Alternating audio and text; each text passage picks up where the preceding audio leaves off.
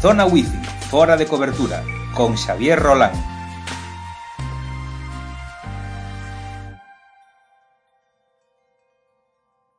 Ola, que tal? Benvida, benvido a un novo episodio de Zona Wifi fora de cobertura, un espazo no que falo sobre tecnoloxía, trebellos, comunicación, todo o que me pasa por cabeza, pero que as máis veces está vinculada a trebellos ou aparellos de tecnoloxía que todos de alguma maneira temos por casa. Hoxe vou a falar de como Microsoft volve a ser un exemplo a seguir. Todos aqueles que me coñecedes de cerca sabedes que eu a Microsoft estoulle moi agradecido. Grazas ao seu Windows Vista eu mudeime a Mac. Foi aló en 2008 cando me pasei a este lado do mal e dende entón pois sempre que podía fuxía da órbita de Microsoft. Non só da órbita dos seus produtos, senón tamén do seu software. Tamén é certo que mm, Microsoft eh, puxo bastante fácil. Eh, Office durante moitos anos para Mac foi unha bazofia. Funcionaba lento, funcionaba mal, eh, tiña peches inesperados, mm, pero tamén é certo, non é menos certo que a suite de ofimática de Apple non era moito mellor. Supoño que foi iso o motivo polo que Google Docs pues, acabou sendo tan popular ou polo menos no círculo dos, dos Macs, ainda que estou seguro de que todas e todos coñecedes um, Google Docs. Bueno, o caso. Eu fuxía de Office, fuxía de Skype, eh, tan só por obriga, pois virtualizaba algunha máquina mm, con Windows, eh, porque como xa saberedes, ata non hai moito, traballar con certificados digitais, coa administración pública, pois requería dunha contorna a Windows. E son perfectamente consciente de que poden quedar algunhas cousiñas, algúns flecos aí que pois a veces non é o mesmo traballar con Hacienda que con Facenda e que a veces pois mm, non queda outra que volver a, a Windows, pero cada vez eh, cada vez son menos esas, esas situacións. Eh, afortunadamente, pois, todo iso cambiou hoxe en día. Eh, de feito, eu creo que Microsoft, eh, fixados no que vou decir, creo que é o mellor que lle está a pasar o mundo Mac en moito tempo, tanto por competencia como por a integración dos seus produtos que teñen hoxe en día. Creo que non é ninguna mentira se vos digo que Windows 10 é un sistema operativo que, que vai moi ben, corre moi moi ben, eh, é rápido, funciona perfectamente en máquinas con poucos recursos, que precisamente é do que adoece o sistema operativo de Apple, o SX, que en máquinas con poucos recursos non funciona moi alá, por moito que actualicen e le lancen unha versión nova todos os anos.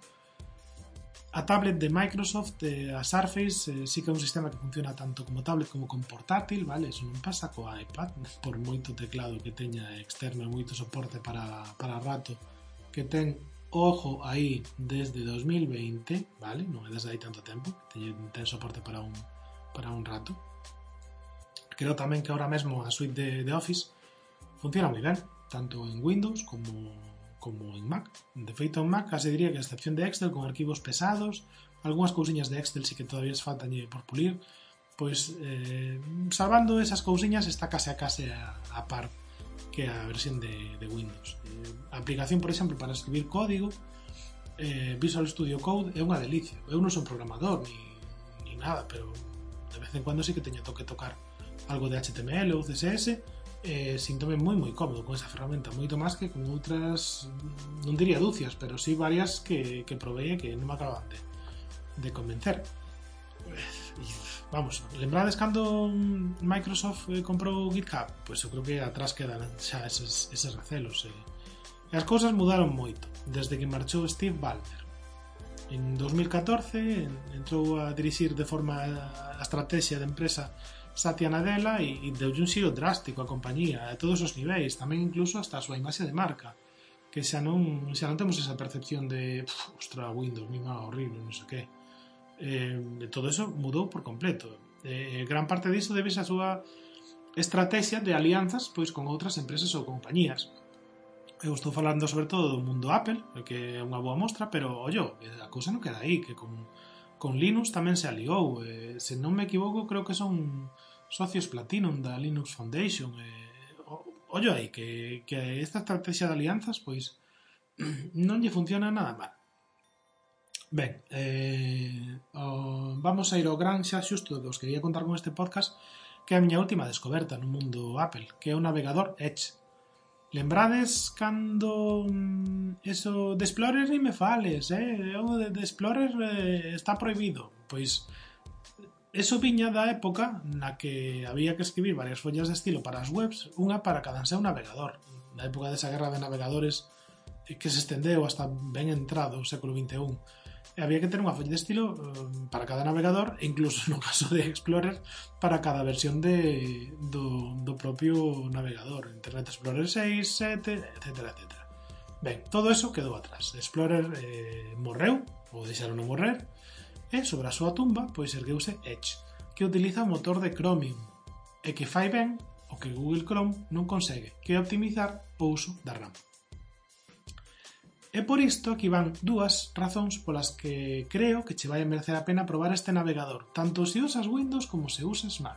Ok, isto non é unha cuestión de que eu sempre este falando de, de Mac, vale? Son dúas dous motivos para que lle des unha oportunidade a este navegador e que creo que exemplifica todo este xiro que está que está a suceder no mundo de, de Microsoft.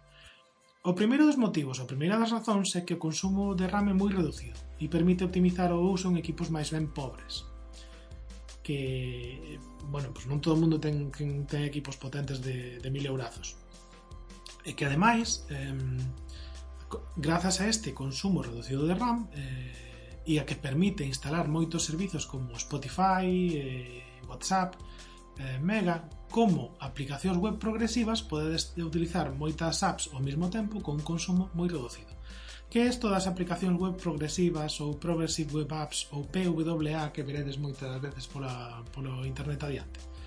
Bueno, pois en realidad o que funcionan é como unha pequena instancia do, do navegador, eh, aínda que parecen e funcionan case como unha app nativa e consumen moi pouquiños recursos, eh, espazo de disco e, e RAM. Así que este xa é un, xa un motivo para que lle dedes unha oportunidade a, a Edge. E o segundo motivo son as coleccións. Uh, lembrades os, os marcadores do, do navegador? Si, sí, iso de, de guardar as, as páxinas web e eh, deixalas pois, nunha barra de marcadores. Pois as coleccións de Edge son a evolución natural e lóxica eh, destas, destes marcadores. Eh, ademais, é unha evolución de algo que nin contabas con iso, nin sabías que necesitabas, e cando probas as coleccións, pois non vas a querer volta atrás. Vale, podes meter webs, imaxes, texto, o que se che corra, e podes facer varias coleccións de forma moi ordenada, moi organizada e visualmente. Eh, simplemente eu por poñervos un exemplo, pois teño unha, unha colección para unha das miñas rutinas de dar clase, vale? Que registrarme contra a aplicación da Ubigo, pois abrir a aula do campus remoto, abrir o Moodle, todo de forma secuencial, clariño, ben guardadiño, e sen ter que andar buscando as URLs ou os eh, ou dentro dos marcadores que xa non utilizaba, levaba unha década sen utilizar marcadores, Eh, en serio, isto da, das coleccións en Edge é unha delicia. Dadelle unha oportunidade, de verdade, porque creo que vos vai a sorprender para ben.